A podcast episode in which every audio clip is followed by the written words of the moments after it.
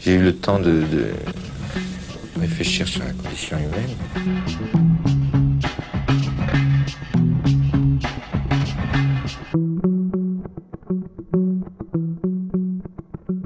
نبيل اسماعيل ويلكم تو سردي شكرا آه، نبيل انت يعني مصور صار لك 46 سنة عم تشتغل بالمجال من 1975 آه، أنا ما بعرفك من وقتها بعرفك هلا ريسنتلي من كمان بعتقد من أيام الثورة لأنه صار لك يعني عم بتصور من يعني كل أحداث لبنان من آه، ابتداء حرب الأهلية لاتفاق الطائف صبر وشتيله اللي عم بيصير هلأ كمان بلبنان. يعني وثقت كل شيء كل حدث مهم بالبلد. وهلا كثير مبسوطين ان نكون لأنه كل وقت بنشوف صورك بس ما بنشوف الشخص اللي ورا الصور. ورا الكاميرا. ف... يعني أول شيء تصلح لك شوي. أنا عمري 20 بس برقي حدا شايفني. ماشي الحال. بس أنا مكبر بحالي. آه أي أنا بلشت آه، بال بمنتصف ال 75 كانت الحرب مبلشة. وقت بلشت الحرب الأهلية ما كنت بتخيل حالي إنه أنا سأنغمس فيها أنا وكاميرتي. It's true كان عندي آه، سهرة آه، مسؤول بإحدى الأحزاب وأنا كنت حب التصوير كتير أنا وصغير. ما تسألني كيف آه، صار عندي هواية التصوير. وأول مرة بس لأقول للمشاهدين أنه أول مرة اكتشفت حالي أنه أنا مصور. اشتريت فيلم كان حقه بهديك الأيام 3 ليرات. الكاميرا كان حقها 10 ليرات كنت صمد. فطلعت خيي على السطح صورته ونزلت على البيت. جبت صحن حطيته وتذكرت إنه أمي تعمل كربونات مع الحمص وكذا وإنه اسمع أنا بيقولوا بحمض الفيلم فاجاي مشتقة من الحامض. فجبت حامضة عصرتها وحطيت وشلت الفيلم من الكاميرا حطيته وغطيته. بصحن ونزلت لعبت football. بعد شي ساعتين طلعت طلعت فيه بعده أسود. قلت كربونات. حطيت كربونات وقعدت. جينا بعد دور ما في شيء. تاني فيلم رحت لعند مصور أرمني. صار يضحك علي إنه ده شو عمل حط كربونات. من هون بدأ رحلتي مع العالم التصوير. وصاروا بالعيلة يعرفوا إنه أنا بحب التصوير. بياخذني سهري بشغلني بجريدة اسمها النداء. كانت الحرب بلشت. بس أول ثلاث أربع أشهر بالحرب أنا كنت خارج دائرة الحرب والصراع. وين كنت؟ كنت بالبيت. Okay. كنت أسمع انعزالية حركة وطنية أسمع آه ناس مع إسرائيل ناس ضد إسرائيل. هذا الجو. بس ما كنت أهتم. ليش؟ أنا جاي من background آه بيت منفتح إلى ما هنالك. آه آراء سياسية بيي مختص فيها. نحن لا كأولاد يعني. آه كان كل همي ال football واللعب و آه ونهار السبت وأحد الكاميرا. وقت أخذني سهري تيشغلني بالجريدة بس أنا جاي من background هاوي. فجأة حسيت حالي من أول نهار أنه أنا لازم أكون محترف. فكان المسؤول بجريدة النداء اسمه نارسيس أرمني. افتكر أنه أنا زلمة جاي مخرج من أكسفورد بالتصوير وأنه هذا الزلمة اللي بده ياخذ محلي. وأنا جاي وجهي أحمر محمر عم بستحي يحكيني ما أقدر جاوب منه جوي يعني. أول مرة أخذني حمل حاله أخذني على أوتيل اسمه الكارلتون. كان مجتمع فيه بالكارلتون الحركة الوطنية مع ياسر عرفات. كان بالاجتماع فيه ياسر عرفات. كمال جنبلاط جورج حاوي كل هالقاضي هيدول اللي أنا كنت شوفهم على التلفزيون وما أهتم فيهم. فجأة طلعوا بوجهي والعالم قاعدين شمال ويمين. أنا حامل كاميرا كان اسمها بنتاكون هالقد كبيرة يعني من زناري لوجهي كانت. حاملها وما عم بعرف اصور فيها وعبنا إنه أنا مصور. ف ومشي قدامي صار قدام هو أنا بعدني ورا رجع كمشني شدني هو شدني قدام أرجع لورا. كانت صدمة لإلي إني أنا من هذا المنظار فوت على الحرب الأهلية. عانيت كتير عانيت كتير. بعد منها بأسبوع طلب مني روح على الجبهة. قد إيه كان عمرك؟ يعني بال 16 17 واو. بالعشرينيات. إيه. المعاش كان وقتها لأني مصور محترف وأنا ما كنت مصور محترف كان المعاش وقتها 200 ليرة. شو يعني هلا؟ قد إيه هلا مثلا؟ هلا؟ يعني أربع حبات ترمس. ماشي يعني. أقل من لقمه فول. ف آه، كانت علاقتي بالحرب الأهلية تمر عبر الكاميرا. الكاميرا هي جرتني على الحرب الأهلية مش أنا. أنا ما بدي. ولكن تعني لي. كان يقولوا بوصة عين الرمانة نزل قتلى صار في قواص صار في دبع على الهوية. أنا بعالم آخر بالحي ألعب فوتبول أطلع آه أتغدى أنزل نقعد على باب الحي نلعب ورق أو أي شيء. الكاميرا جرتني على الحرب الأهلية. عشان هيك بدنا نستضيفك على سردي لأنه أي.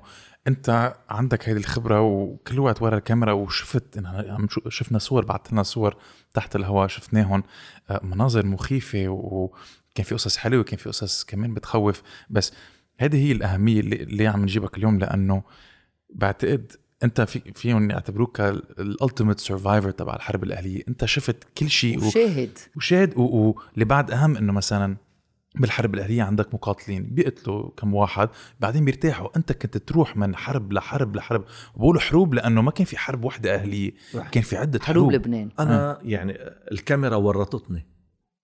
غصبا عني. أنا صورت كل جولات الحرب الأهلية بلبنان من ال 75 لل 90 إضافة لحروب المنطقة اللي صارت. بس فيما يعنينا اليوم هو الحرب الأهلية اللبنانية. الكاميرا ودتني على خط اسمه خط التماس. في بداية الحرب الأهلية كان الاشتباكات منحصرة بخط التماس ال green line. تسألني هلأ كيف ركب خط التماس؟ ما حدا بيعرف. فصل بيروت قسمين شرقية وغربية. الجو بهداك الوقت كان في حماس عند الطرفين. عند اللي كانوا ساكنين بالغربية واللي كانوا ساكنين بالشرقية. كان جو كله بده يحمل سلاح وينزل. ليش؟ شيء جديد. وحمل سلاح كانت الناس تتباهى فيه. ما كان مثل هلا إذا بصير لا سمح الله حرب ما بعتقد في كتير من الجيل القديم بيروح لأنه تربى. لأنه بالحرب ما حدا ربح. بأكد لك أنا التجربة اللي ظهرت منها أنا من الحرب ما حدا ربح. بس عندي الزعماء. الزعماء. أه، بس سؤال لما عم تحكي عن طرفين عم تحكي أه، من منطلق ديني يعني إسلام مسيحية؟ فيما بعد تجذر الصراع. على ما يبدو بالأول كان يمين يسار. أوكي. لأنه إذا أخذنا الغربية اللي هي باكثريتها إسلامية واللي كان بساحتها متحكم بساحتها كان العامل الفلسطيني واليسار اللبناني. وقتها كان في مسيحية كتير. كانوا بالأحزاب اليسارية. وكذلك بالمنطقة الشرقية كان في مسلمين. يعني طابع التجذر طابع التجذر أخذ منحى بعد حرب السنتين ما سمي بحرب السنتين اللي هي 75 76 قبل ما يدخل آه، الردع العربي قوات الردع العربية.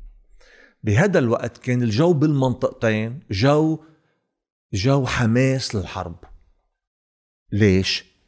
لأنه الطرف اللي كان بالغربية كان بيعتقد أن الدولة ما أنصفته ما أعطته حقوقه الطرف الثاني اللي كان بالشرقية كان بيعتبر أنه الدولة ما وقفت معه بمشروعه كان في لبنان وضحت؟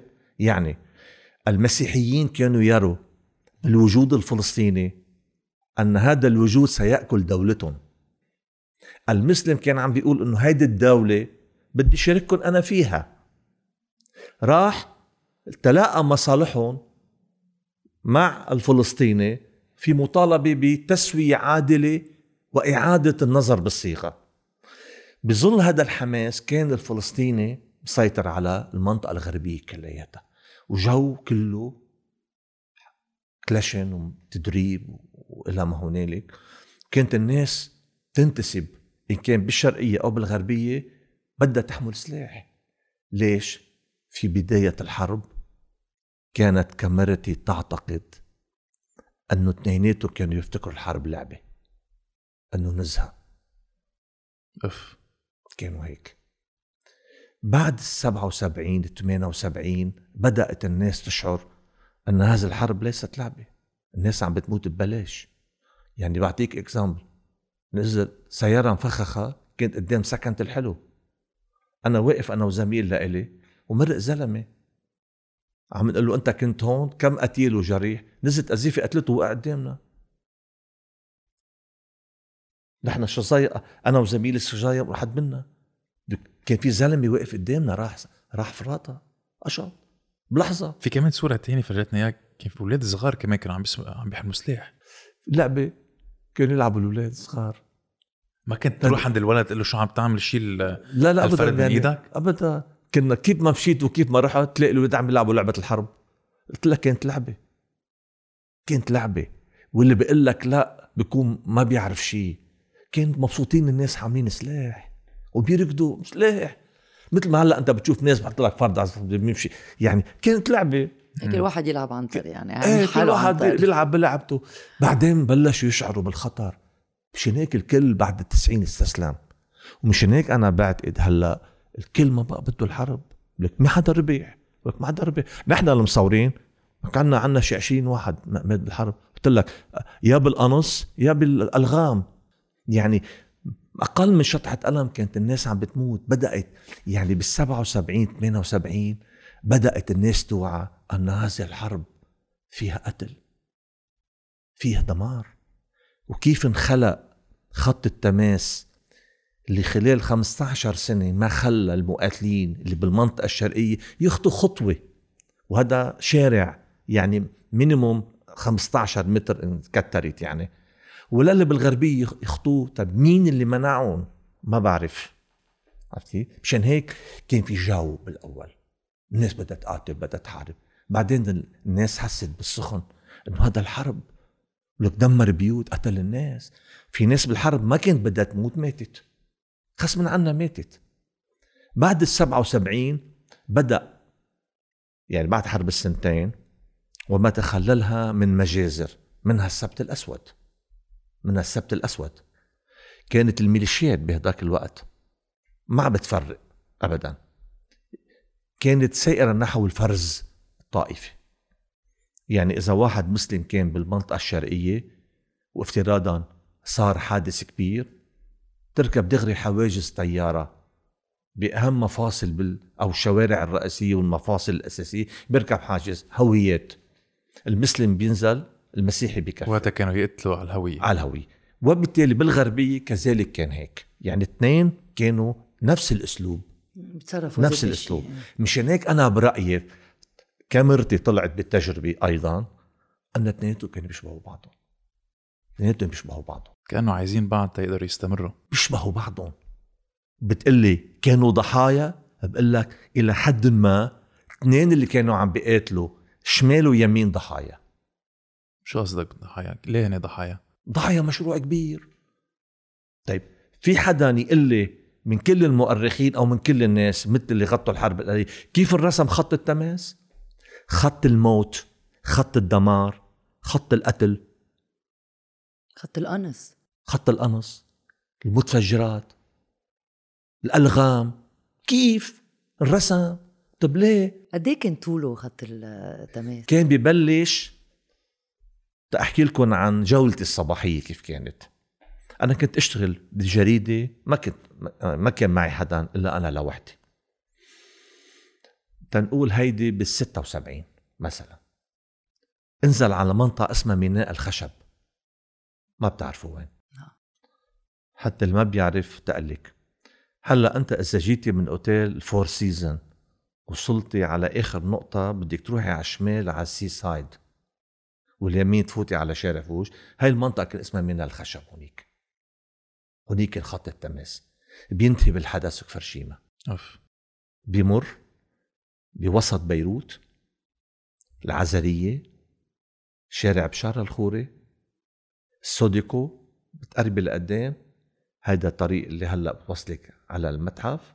هونيك كانت مقسومة قسمين توصلي منها على المتحف. المتحف كان بإيد الشرقية. خط المتحف من المتحف لمستشفى البربير كان هو المعبر الوحيد السالك على على المنطقتين. بتكفي من هناك على قصقص توصلي للطيونة. شارع صيدا القديم هيدا كلياته مرن خايل حي آه، ماضي تتوصلي للحدث. هذا خط التماس كان. الميل الشرقية كان في مختلف الأحزاب. يعني بلشوا أول شيء الكتائب والأحرار وانتهت القوات اللبنانية مع الجيش. بالمنطقة الغربية آه، بلشت أول شيء الأحزاب اليسارية بعدين أيضا مع المرابطون والفلسطينية وبعدين انتهت بحركة أمل وحزب الله. هذا. يعني خط التماس عرف مجموعة أحزاب. أنا برأيي برجع بعيد إنه التاني اللي تقاتلوا صحيح كانوا عم بيقاتلوا بعضهم والتاني بده يقتل التاني بس اثنيناتهم كانوا ضحايا. ليش؟ لأنه اثنيناتهم آخر شيء خسروا. واثنيناتهم انتقموا من الدولة. مش ما كانت بتعني لهم دولة اثنيناتهم انتقموا من الدولة. انتقام. كسروها للدولة اثنيناتهم. حطموها تحطيم. نرجع لليوميات. كنت أوصل أنا على مينا الخشب كيف كانت العلاقة مع المقاتلين بهذاك الوقت؟ لحين ما نوصل كيف كانت الناس تتنقل شمال ويمين؟ الجو العام ببداية الحرب تم إدخال نوع من ال... ما بدي سميها العقيدة بقدر ما بدي سميها آه، السحر. كانوا المقاتلين ضحايا سحر مشروع وشعارات. يعني بالمنطقة الغربية كان المشروع إنه في نحن بدنا نقاتل دفاعا عن عروبة لبنان. أمام المشروع الانعزالي الإسرائيلي الصهيوني بلا. هذه الشعارات الرنانة الطنانة اللي كانت لها مفعول السحر عند الناس. بالمقابل بالمنطقة الثانية كان في مشروع إنه دفاعا عن لبنان. لبنان فيروز آه، لبنان الرحابنة لبنان ملكات الجمال لبنان البلد الحر الديمقراطي لبنان الانفتاح بلا بلا أمام مشروع آه، آه، إعطاء لبنان للفلسطينية إلى من هالشعارات الشعار بالغربية لقى كتير ناس ينسحروا فيه ويحملوا سلاح ويقاتلوا وبالتالي بالمنطقة الشرقية لقى ناس يمشوا فيه. فهدول الناس كانوا مصدقين. يعني تروح على خط التماس إنه بتوصلي إنه أنا بدي قاتل بدنا نحرر لبنان. تروح على الشرقية إنه بدنا نطرد الفلسطيني والغرباء وبدنا نرجع لبنان اللي نحن بدنا إياه. كل واحد كان بده لبنان وإله يعني. فوقت أوصل أنا على الجبهة يكونوا إما كل الليل كان في اشتباكات يعني معناتها صار في دمار شوي زيادة اوصل مع الوقت صار في علاقة معهم صرت أعرفهم واحد واحد. هاي جبهه كنت تنزل أنت. ببداية الحرب وقت كنت أشتغل بالصحف اللبنانية كنت بس أتجول بالمنطقة الغربية اللي أنا ساكن فيها. وكوني مسلم وأنا كنت كمان ضحية الأخبار اللي توصل إنه المسلم بموت وإنه المسيحي بالغربية بموت. هلا ما كلهم ماتوا بس إنه كان تصير. إذا وقفتي على حاجز خلص رحتي. يعني أعطيك إكزامبل إنه أنا كنت صرت بوكالة صحافة فرنسية. آه، قعدت جمعة بالشرقية مع القوات. طلع لي مقاتل عمره تقريبا شي 22 سنة. عم بحكيك هيدي بال 89 يعني هذا كان عمره 12 سنة وقت علقت الحرب. يعني ما شايف مثل مين؟ كان عم بيسوق السيارة وأنا كنت معه مقاتل هو. سألني نبيل شو؟ ما قدرت خبي بدي أقول له اسم يدل على إنه أنا مسيحي. قلت له نبيل اسماعيل شحط فريم قال لي مسلم؟ قلت له مسلم. بس أنا بوكيل صحه فرنسيه أنا ما عرفت أسوي. عرفتي يعني ما كانوا يعني وصل مرحلة جيل ما بيعرف الآخر. أف مش ما بيعرفوا مش شايفينه. عرفت كيف؟ ف صرت صحبي معهم أنا كثير مرات صورهم يحبوا يتصوروا. أه وكثير مرات كان آه، أقعد أشرب معهم شاي لأنه إذا ما كنت بعلاقة معهم معناتها التهمة كانت موجودة. شو هي؟ إنه أنت عميل للكتائب. يعني مرة كنت على المتحف أنا وزميل لإلي بشريطة النهار اسمه جورج سامرجيان. واحد. جاي جديد على الجبهة ما بيعرفنا. كمشني أنا وياه. شباب من وين؟ قلنا له صحفية مصورين. كنت أنا وقت أشتغل بجريدة السفير هو بالنهار إنه السفير بالنهار أي السفير بالنهار هذا مش مش قاري جريدة بحياته. لا بيعرف شو يعني جريدة. عملاء للكتائب. ركبت التهمة علينا. أخذونا. كل الطريق قوس بين إجرينا أنا وياه. أخذونا لورا المتحف على ملجأ. نزلونا أنا وياه. بعد بتذكر كرسي من هدول القش الصغار قعدونا عليهم بأوضة فاضية بالملجأ وسكر الباب. وكل شوي يفتح الباب يقول بدنا نصفيكم هلأ أو بتعطونا معلومات. بدنا نصفيكم أو بتعطونا معلومات. وأنا يعني تا شيل خوفي وحتى شيل خوفي وأقول له أنا ولو تعرفونا شاي؟ طب كبايه شاي بتحمل كبايه شاي. تعمل حالك قبضاي إيه. لحين ما اجى شخص كان مسؤول عن جبهة اسمه أحمد شنجر. يعني إذا حدا من القدماء بيعرف سنة وصل شو الشباب؟ قلنا له يا خيي غلطوا فينا شو هالحكي هذا معقولة؟ وأنت هون؟ قلت معقولة بعهدك أنت بمنطقتك السفير والنهار ينزلوا؟ عيط طرقوا كفين وأفرجوا عنا. التهمة كانت إنه نحن عملاء الكتائب. فإذا كانت بهذاك الوقت عند جداد تهمي هيك. كنت مضطر أنت كمصور صحفي تكون بعلاقة تعرفيهم كلياتهم تحفظي أساميهم. وتعرفي هن من وين. وإنه تسيريهم وإذا بدهم يمزحوا معك تقبلي مزحهم تيخلوك تصوري. وإلا التهمة كانت موجودة. ومع الوقت صرنا أصحاب. في منهم ناس كتير آه كنت صادفهم قبل. يعني واحد تصوري كان مسؤول عن آه، نقطة البريمو. السوديكو أنتو رايح على المتحف. في محطة بنزين على الشمال. بعد ماكي هذه المنطقة اسمها البريمو كانت. إيه. لأنه كان في معمل لبن اسمه بريمو هنيك بسموها منطقة البريمو. كان المسؤول عن الموقع هنيك كان اسمه الحركة أبو كفتة. هذا أول مرة أنا رحت لهونيك إيه. اجوا الصحفيين. بلشوا. تيعطوكي وهرة. كانوا يقوصوا علينا قوصوا بين إجرينا أو فوق رأسنا. ويضحكوا إلها. مهند مع الوقت بتصير صاحبي أنت وياهم بتعرفي كل شيء فبصير توصل. كثير مرات تكونوا زهقانين هن. جاهز؟ جاهز. بيطلع على المتر صور. عرفتي إيه. كيف؟ إيه. أو مثلا ليه تاخرت خلصت. هلأ قبل شوي كان والعه كلمة والعة يعني كان في اشتباك كتير كبير. ببداية السنتين زي ما قلت لك كانت تقتصر الاشتباكات على خط التماس. بعد منها توسعت. وصرت أنا وزملائي المصورين آه، حتى بعلاقة مع المقاتلين تيخلوك تعبري على المتحف إنه مثلا واحد مرته خلفت بدك تروح تصوري له إياها. إذا ما صورتي له ممنوع تفوتي على المنطقة خلص. عرفتي كيف؟ إيه. وبدك تحفظي الأسماء كلياتهم والوجوه كلياتها. أوف ما.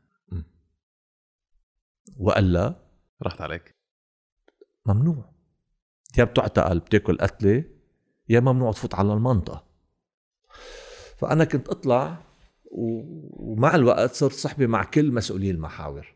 هلأ آه مرات كتير يعني ما أخفي إنه نحن نطلب منهم إنه مثلا تمرق لك ار بي جي مثلا.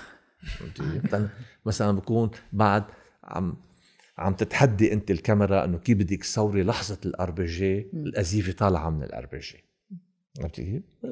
مرق لك بقى يمرق قذيفة. عرفتي كيف؟ إيه هلأ بعدين بعدين يعني الكاميرا كانت أكثر أكثر قبل ما مواقع التواصل خوف كانت مرعبة الكاميرا.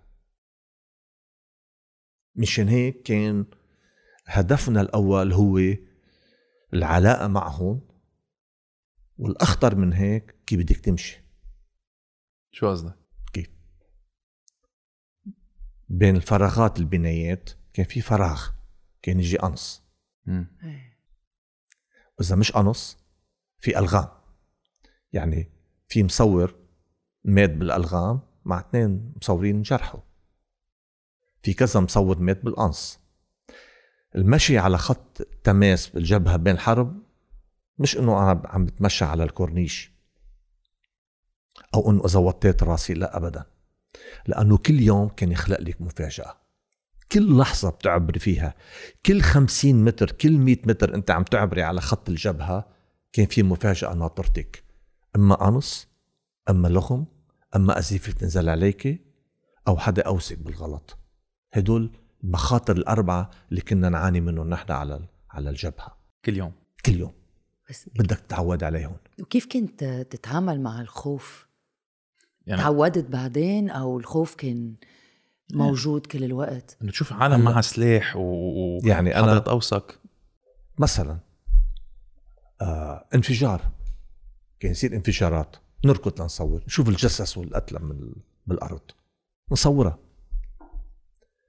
بعدين حسيت إنه أنا شو شو عم بعمل؟ إنه شو بصير؟ هيدي الملعونة ملعونة ها. هاي ساحرة. احمليها أنت شوفي شو بصير فيك؟ شو كان يصير فيي أنا؟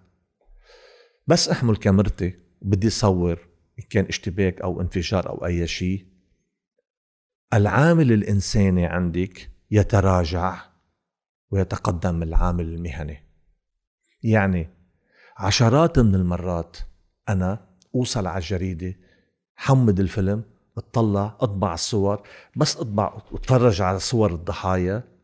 هون تعود إنسانيتي لإلي أو أبكي أو أصفو أو أتحسر أو أقول يا الله مثلا ما بدي يصير فيي أنا هيك ما بدي يصير حدا من اولادي أو من عائلتي يا الله ما بدي يكون حدا من اللي بعرفه يصير فيه هيك.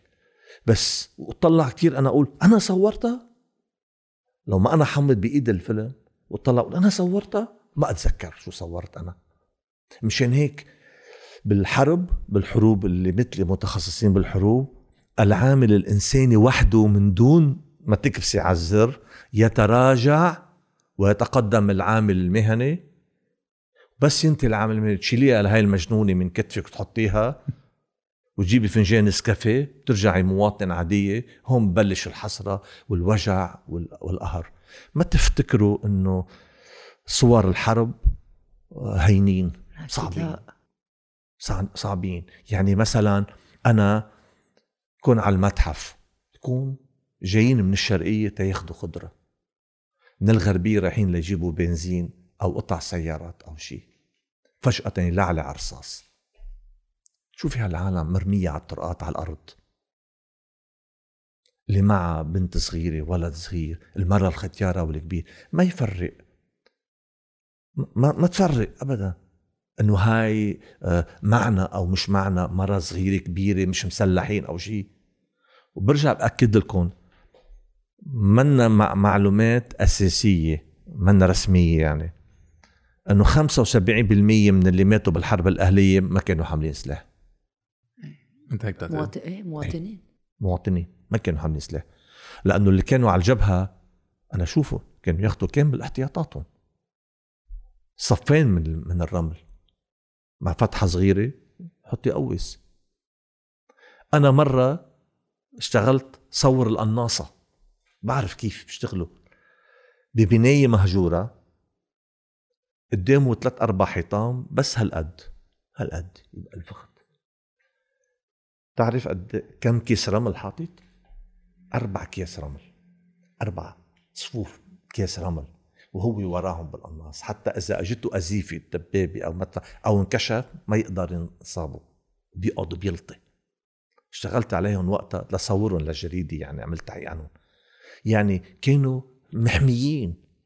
المدني اللي ما كان محمي اللي متكل على الله وقاطع. واللي عم بيقوس متكل على الله كمان. ما تفتكر إنه شيء يعني كلهم كانوا مؤمنين بيتكلوا على الله كله. اللي بيموت واللي بيقتل.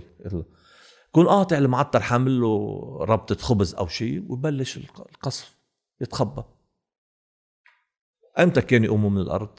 تعرفي أيمتى كنا نحن موجودين ننطر نحن خمس دقائق وقف القصف بيقوم أول واحد بيمشي مين؟ المصور. Wow. Wow. تمشي انت اول واحد بالطريق بتبلش تصور العالم. العالم بتشوف المصورين وقفوا بلشوا يصوروا بيرجع بيوقفوا هن صارت. ساحه أمان. بس كمان بالمقابل كان في فلسفة عند الناس. okay. شو كانت هي؟ على المعابر إذا شافوا الصحفية شو يقولوا؟ بدها تعلق لأنه كان المصور بس يوصل معناتها في معركة بدها تعلق كانوا يتشائموا. هيدي الفلسفة اللي كانت موجودة وقتها. أو كمان يعني بعتقد ال- المقاتلين إذا بيشوفوا صحافة بدهم مثل ما كنت عم تقول من قبل بدهم يفرجوا حالهم إنه هن عم بيقوصوا هن عم بيحاربوا هن عم بيعملوا شيء. فكمان يعني تقعد بفيش ال cycle بيعيد حاله. لك كان في أنواع من المسلحين. يعني في كان مسلحين سوري كان في مسلحين ما تتصور ما بتحب الصحافة. كان عندها عقدة إنه هيك.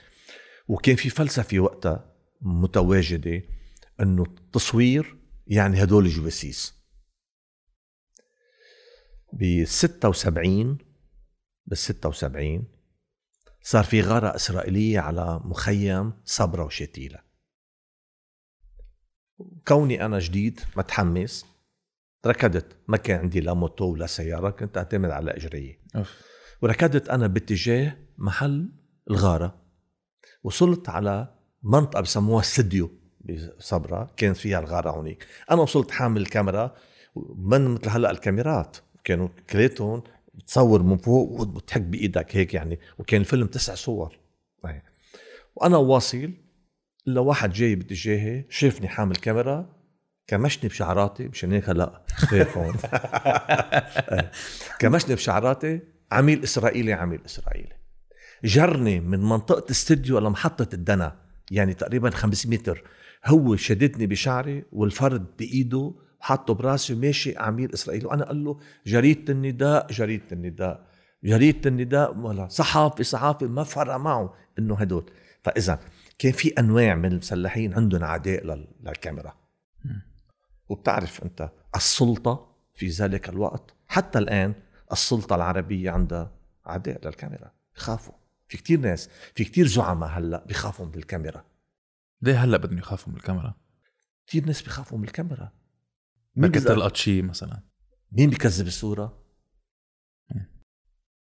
الخبر فيك تكذبه الصورة ما فيك تكذبها. مشان هيك الصورة الحرب الأهلية كانت أكثر صدقا من كل الناس من كل شيء. مشان هيك برجع بقول لك المشاهد في الحرب القتل الدمار اللي صار الإجرام اللي صار. هذا المشهد تبعه كله. بعده حي ولا مات؟ مات. الصورة بعدها حية. كل شيء مشاهد ماتت. انتهت. صارت بعالم النسيان. الصورة تعيدك إلى ذلك المشهد. ليش؟ لأن الصورة الفوتوغرافية بتحمل كل تفاصيل المشهد. أمينة عليه. بتحتفظ فيه. بتخبيه الصورة. وقت اللي بتقلها طلعي بتطلعك بتقلك هذا المشهد بصدق. مشان هيك كل العالم في كتير ناس بيخافوا من الصورة. وتحت مش هيك برجع بقول لك أنا ما أتكلم اليوم هو باسم كاميرتي باسم الصورة. ما إلي علاقة. في في في هلا انت كنت عم تخبرنا كيف بعدين ترجع تستكشف الصورة بعد ما تكون أخذتها. في صورة آم، بتقول يا ريت ما اخذتها مثلا في شي صورة بقت معك يا ريت ما. اخذتها أو ندمت بصدق لا ما لا. ما في شي مشهد مثلا مخيف أو لابد ما يكون في مشاهد مخيفة في حرب مش مش عم نروح دار عرس نحن يعني حفل الزجل يعني في حرب يا خيي بده يكون في صور بشعة. هلأ بتقلي بتعتز فيهم ما بتعتز فيهم هذا بطاطا مسلوقة. في حرب. لابد من وجود كاميرا. الحرب العالمية الثانية كل وسائل الإعلام كل الدول رجعت أعادت توثيق الحرب. وعملت أفلام وطلعت مجلدات. لأنه بدك تقول للناس شوف الحرب. تعلموا من الحرب. تعلموا يا خيي. شو عم تعمل حرب يا خيي؟ 15 سنة. لا أنت ربحت ولا هو ربحت. أنت خسرت وهو خسر. هذا تدمرت بيوته وهذا تدمرت بيوته. وقلت لك يا خيي أنا ما بدي موت. عشان عم تقتلني؟ في ناس ماتت. في ناس ماتت. من هيك؟ مرأة بالطريق مش نزل أزيفة قتلتها. مرأة بالطريق طلع انفجار مات. شو بده يعمل؟ هاي الحرب. وليش بده يصير في حرب؟ إنه بفهم أنا إنه حرب واحد ربح يا خيي ماشي الحال. هذا استعمل هاي الفلسفة وربح ماشي الحال. بس عملنا حرب من ال 75 لل 90 ما حدا ربح خسر الشعب اللبناني. الدولة خسرت. راح أكلوها للدولة. قلت لي بكره نهشوها للدولة. بكره. يعني أنا بعد ست شباط أنا مصور صور لميليشيا لناس مقاتلين هجموا على دورية من الجيش شلحوهم تيابون مقاتل لابس بدلة رائد بالجيش. شو صار وقتها بتاريخ كريم العالم؟ ست شباط. إيه. سنه انهيار الدولة. قال ما أعطاك 96 86 بعد قد 85 86 اسمها ست ش... انتفاضة ست شباط انتفاضة على الدولة. وضحت؟ يعني اللي كانوا بالشرقية انتقموا من الدولة نهشوها فرطت الدولة. واللي كانوا بالغربية انتقموا من الدولة. مشان هيك من من ال من 75 لل 90 ما بقى في شي دولة. ما بقى في دولة. صار في ميليشيات بالمنطقتين حاملين سلاح.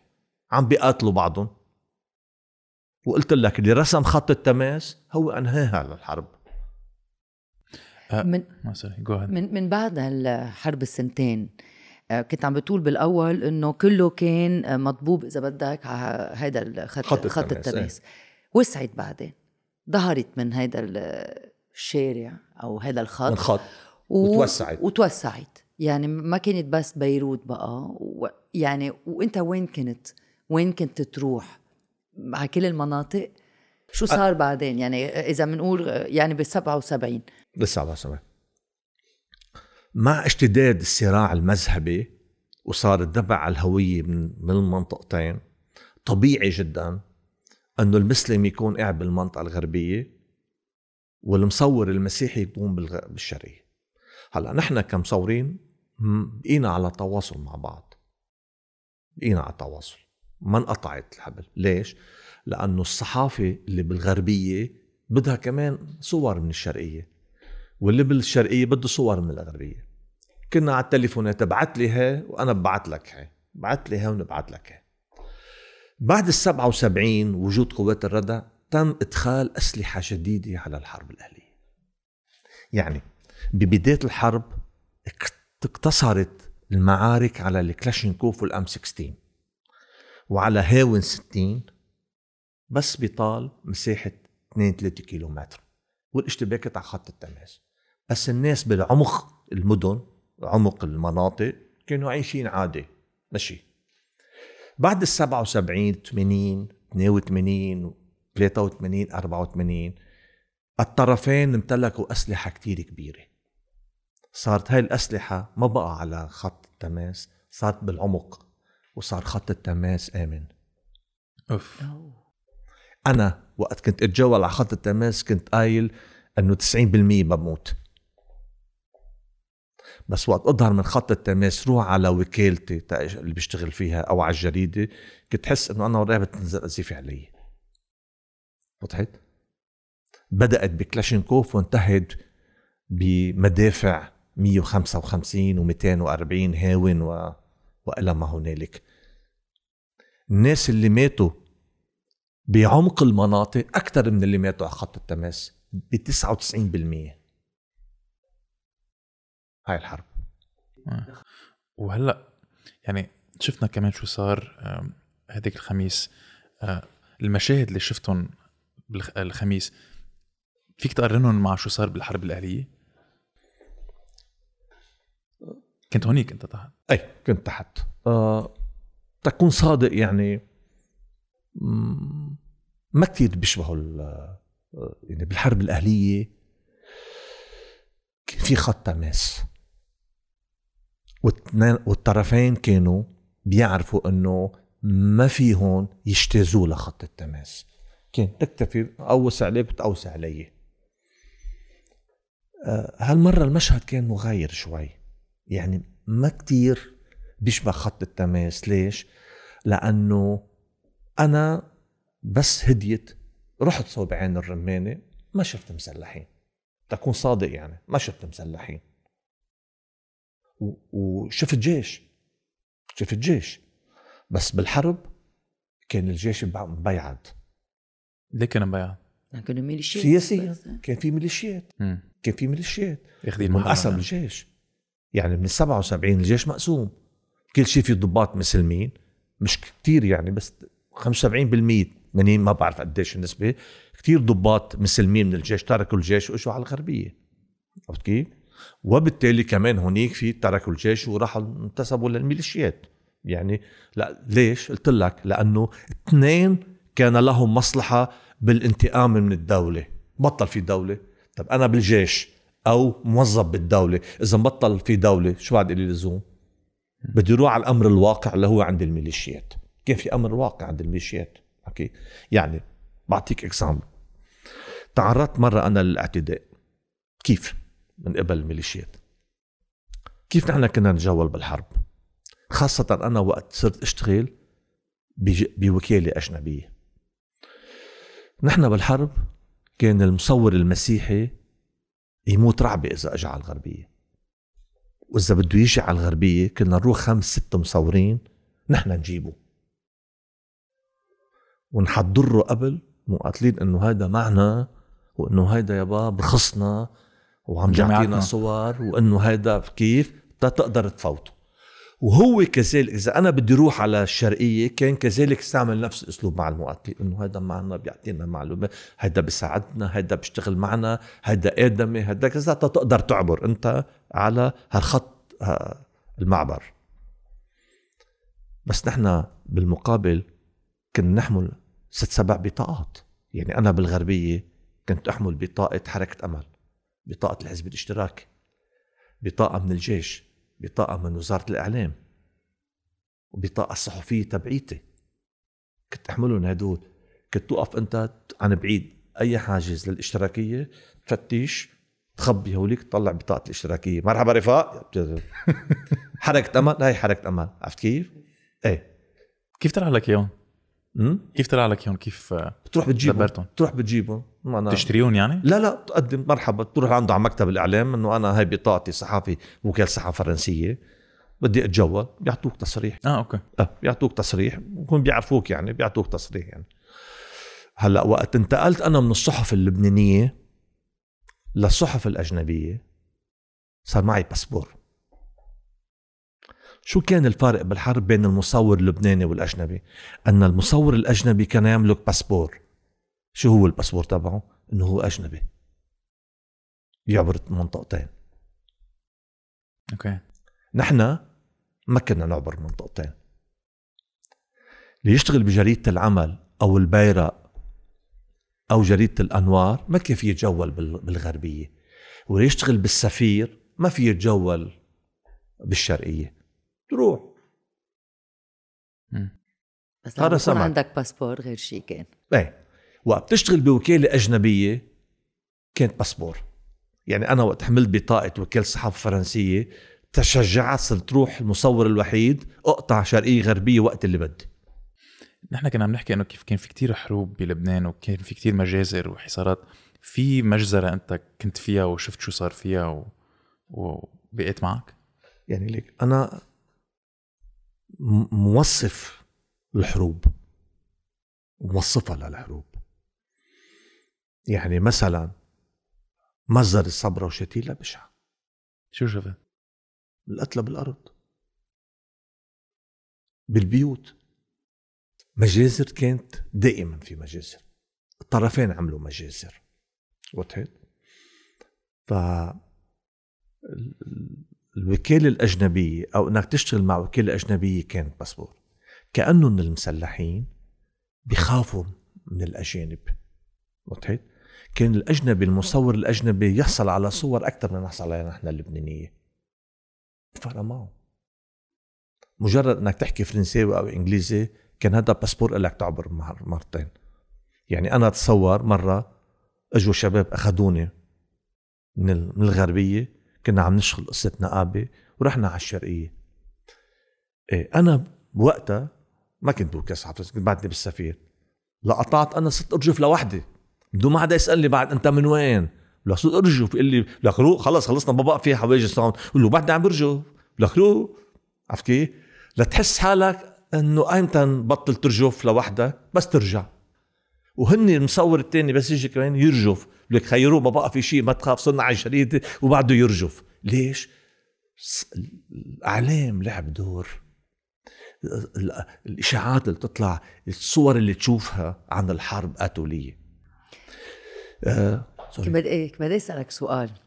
كنت عم بتقول هديك الساعة إنه آه، كان لتقدر تصور كان لازم تعرفهم بأساميهم واجواهم أوجاههم سوري ب 76 آه، فات الجيش السوري على لبنان وب 78 77 77 وب 78 صار في اجتياح آه، إسرائيل مزبوط إسرائيلي. وب 78 أول واحد. 78 بالجنوب إيه. ما وصل وبعدين 82 سو كبرت الحرب بلبنان. بطلوا ميليشيات بس بس إنه كبرت صار في دول عم ب... عم بيحاربوا عنا. فهون ما كان فيك كان فيك تتذكر أساميهم؟ كيف كيف كان الوضع الأسماء اللي كان دارجه العلاقات؟ إيه الأسماء اللي كانت دارجة بتقصدي عند المقاتلين. إيه يعني كيف كنت تنزل؟ يعني على خط التماس كنت تروح تعرفهم صاروا يعرفوك بتعرفهم بأساميهم وهيك. بعدين لما كبرت كتير آه، آه، كيف كنت تعمل لتحمي حالك؟ ما كان في حماية. ما كان في حماية لا. مثل على خط التماس. لا. قلت لك خط التماس أهميته وين؟ إنه اولا آه كان بس اطلع إطلاق رصاص. وإذا بده يزتوا يزتوا هاون صغير. بعدين صاروا أصحاب. يعني نحن ذكرنا البريمو. أنا كنت أقطع من البريمو أقطع لعند كان وقتها الأحرار. موجودين بمنطقه البريمو اقطع هونيك هونيك تعرفت على زميل لي اسمه جوزيف براك كان بالمنطقة الثانية حامل كاميرا. كنت أنا كنت أقطع بيناتهم كنت أوقف أعمل لهم بإيدي هيك. الكاميرا يعني؟ إيه. لو لوح بالكاميرا. يقولوا لي قرب قرب لعندهم.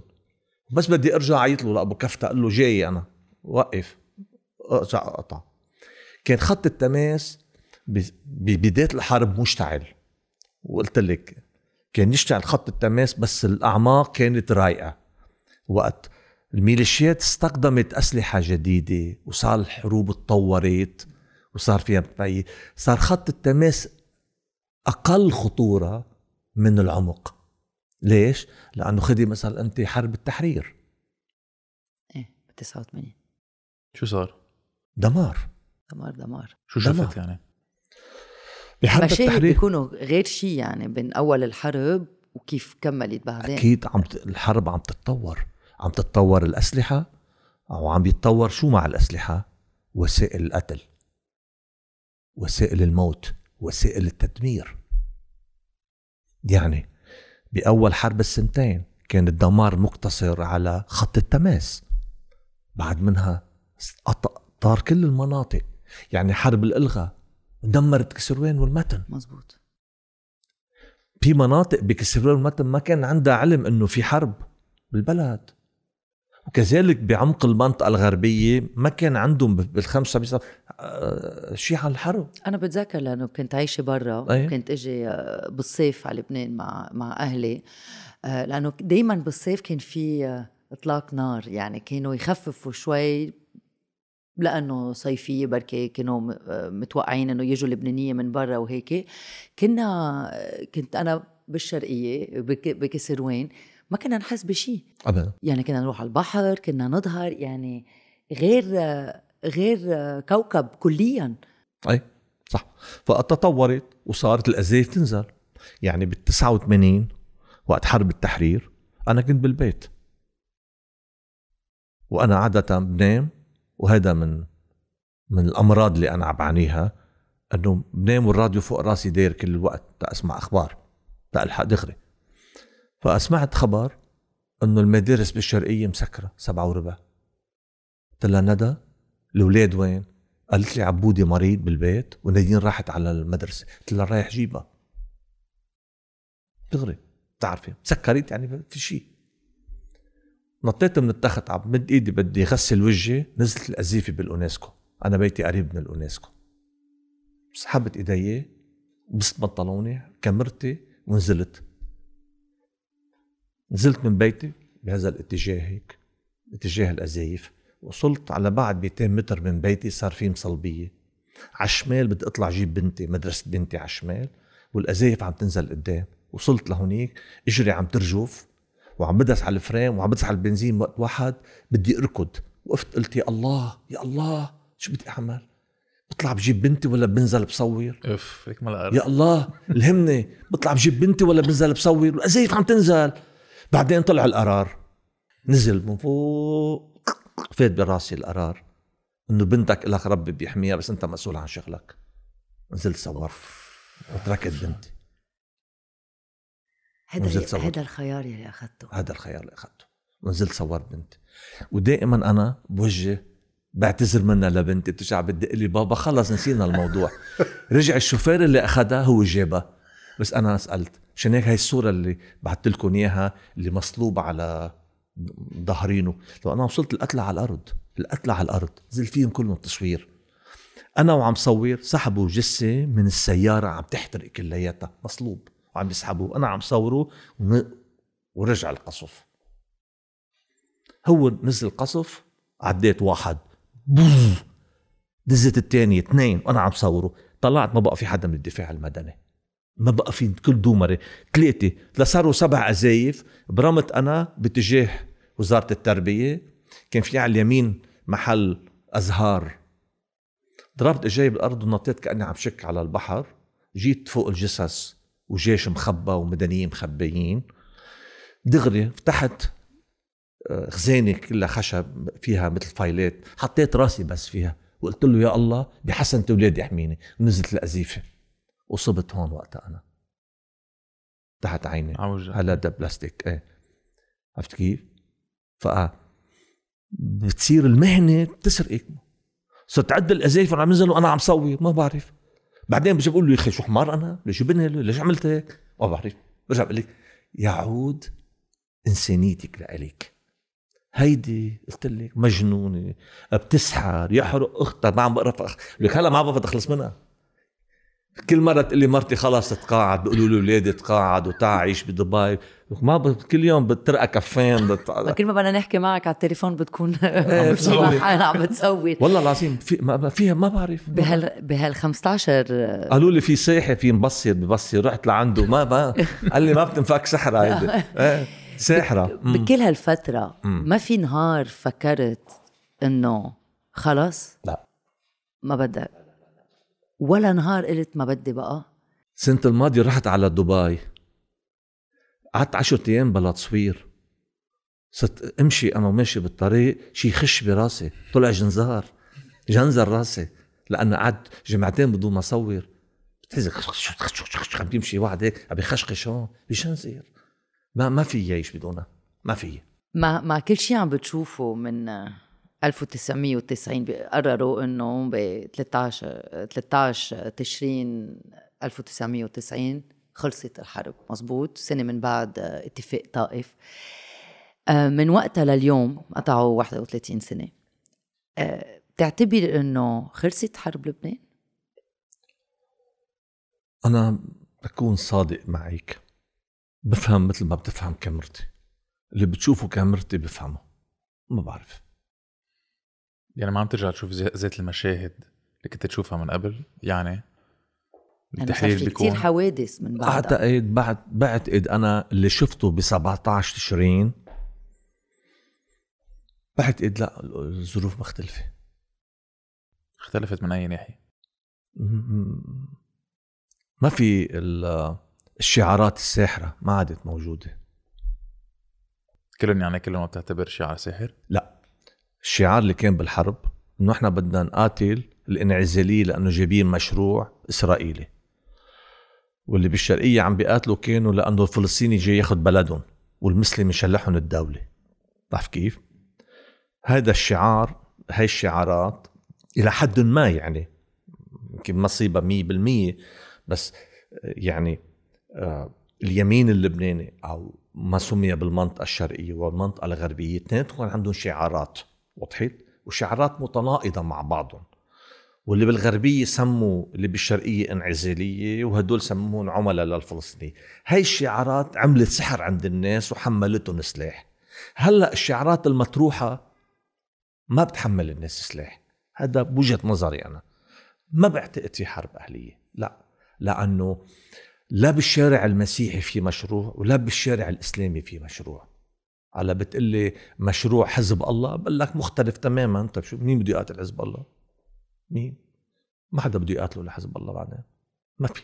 ما حدا في يقاتله. ما حدا يعني. بعدين الاختلاط آه، آه، هلأ آه، يعني في في في وعي بعتقد هيك. هذا يعني ما بدي أحكي سياسي ولا بدي أتنبأ مثل ما بيعمل غيري. قلت لك أنا أرى ما تراه العدسة. ما بعتقد في شيء. وأتمنى ذلك يعني لأنه آه هلا بعرف أنا إنه الحرب كانت غنى. تصور الحرب فيها قتل ودمار بس كانت غنى لل آه، للصورة الفوتوغرافية. أكيد. مم. في مشهد هلا حكينا عن المشاهد شوي السلبية في مشهد كتير حلو شفته وانبسطت فيه وبقي معك؟ بالحرب؟ آه. لا ولا مشهد. كمان؟ لا لا لا لا ابدا. أنا فاجأتني صوره هيك مقاتلين حاملين بعتقد آه، شجرة آه، أو العيد. شجرة العيد.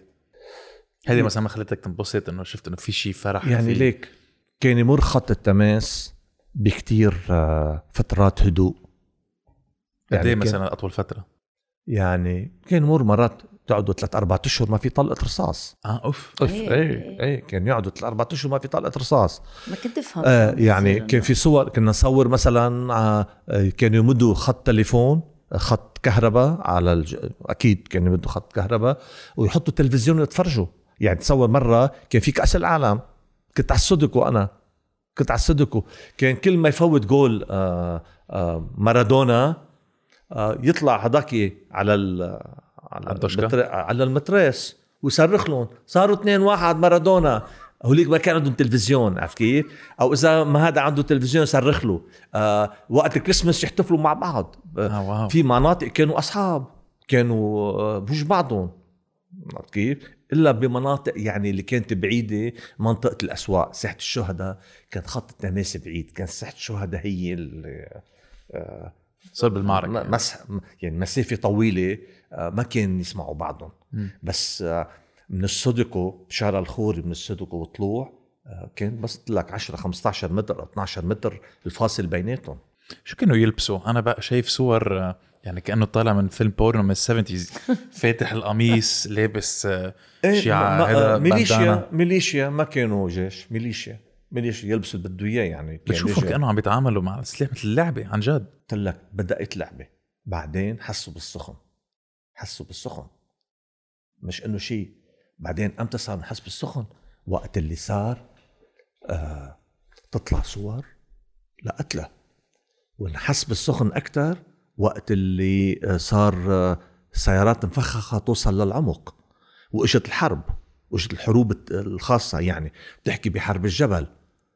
الاجتياح الإسرائيلي. أنت كنت بحرب الجبل. إيه إيه. حرب المخيمات. مزرة صبرا وشتيلة. مجازر كلهم. كلهم. مجازر اللي صارت بتل الزعتر بالدكوينة ال- اللي بالدامور اللي بالسعديات. كلها مجازر. الحروب اللي صارت الحرب الإسرائيلية الانسحاب الإسرائيلي ح- ح- حرب 78 وقت فاتت إسرائيل. بعدين بالاجتياح. الاجتياح كان كارثة كان كارثة كارثه كيف؟ خي مثلا كارثة أول شيء كارثة علي أنا شخصيا. أنه أنا تربيت على العداء لإسرائيل. شوف فجأة تشوف بدك تصور واحد إسرائيلي يعني. حلو أختها حلها شو بدك تحلها؟ وصورته؟ صورنا بس أول مرة كنت أنا وزملاء لإلي. أي سنة؟ 82 إيه لما فاتوا. فاتوا. كنا عم نتسابق نحن وياهم مين بيوصل. يعني يقولوا مثلا والله وصلوا عسور تطلع تلاقيهم صاروا بصيدا. فأول مرة وصلنا شفنا إسرائيلية مرينا على حاجز إسرائيلي.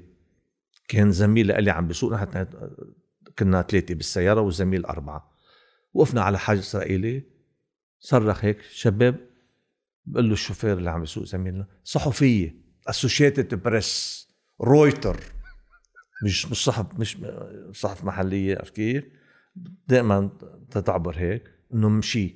مشي هو هيك لمدة خمس دقائق هو ماشي دغري لوصل حيفوت بشجرة ونحن أربعتنا هيك.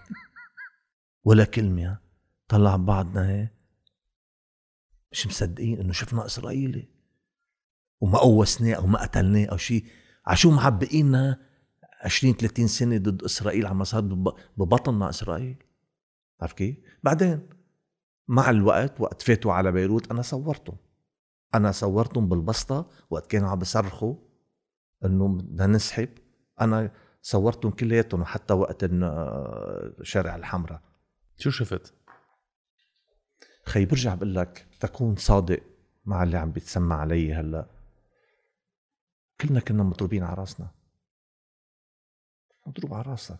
ما كنا مصدقين إنه اسرائيل بتفوت على بيروت. ما حدا كان مصدق. بأيلول. بال ب... إيه.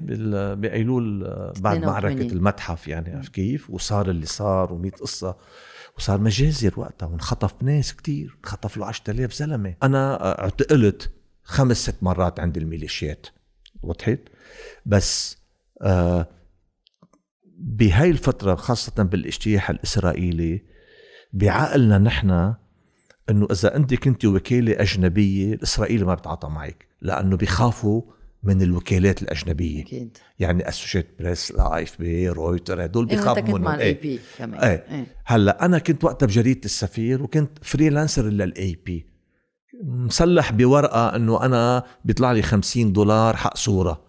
فلففها بس شعار ال AP من فوق. AP عرفتي؟ تخافي. بس الخوف كان أكثر رعب عندي من إنه يفوتوا القوات أو الكتائب. وضحت فبتصيري انت بهالوقت تلفني لأصحابك هدول مثل وقت اللي فاتوا السوريين على الشرقية صار المصور هنيك يخاف من إنه السوريين بدهم يجوا ليه أو أي شيء.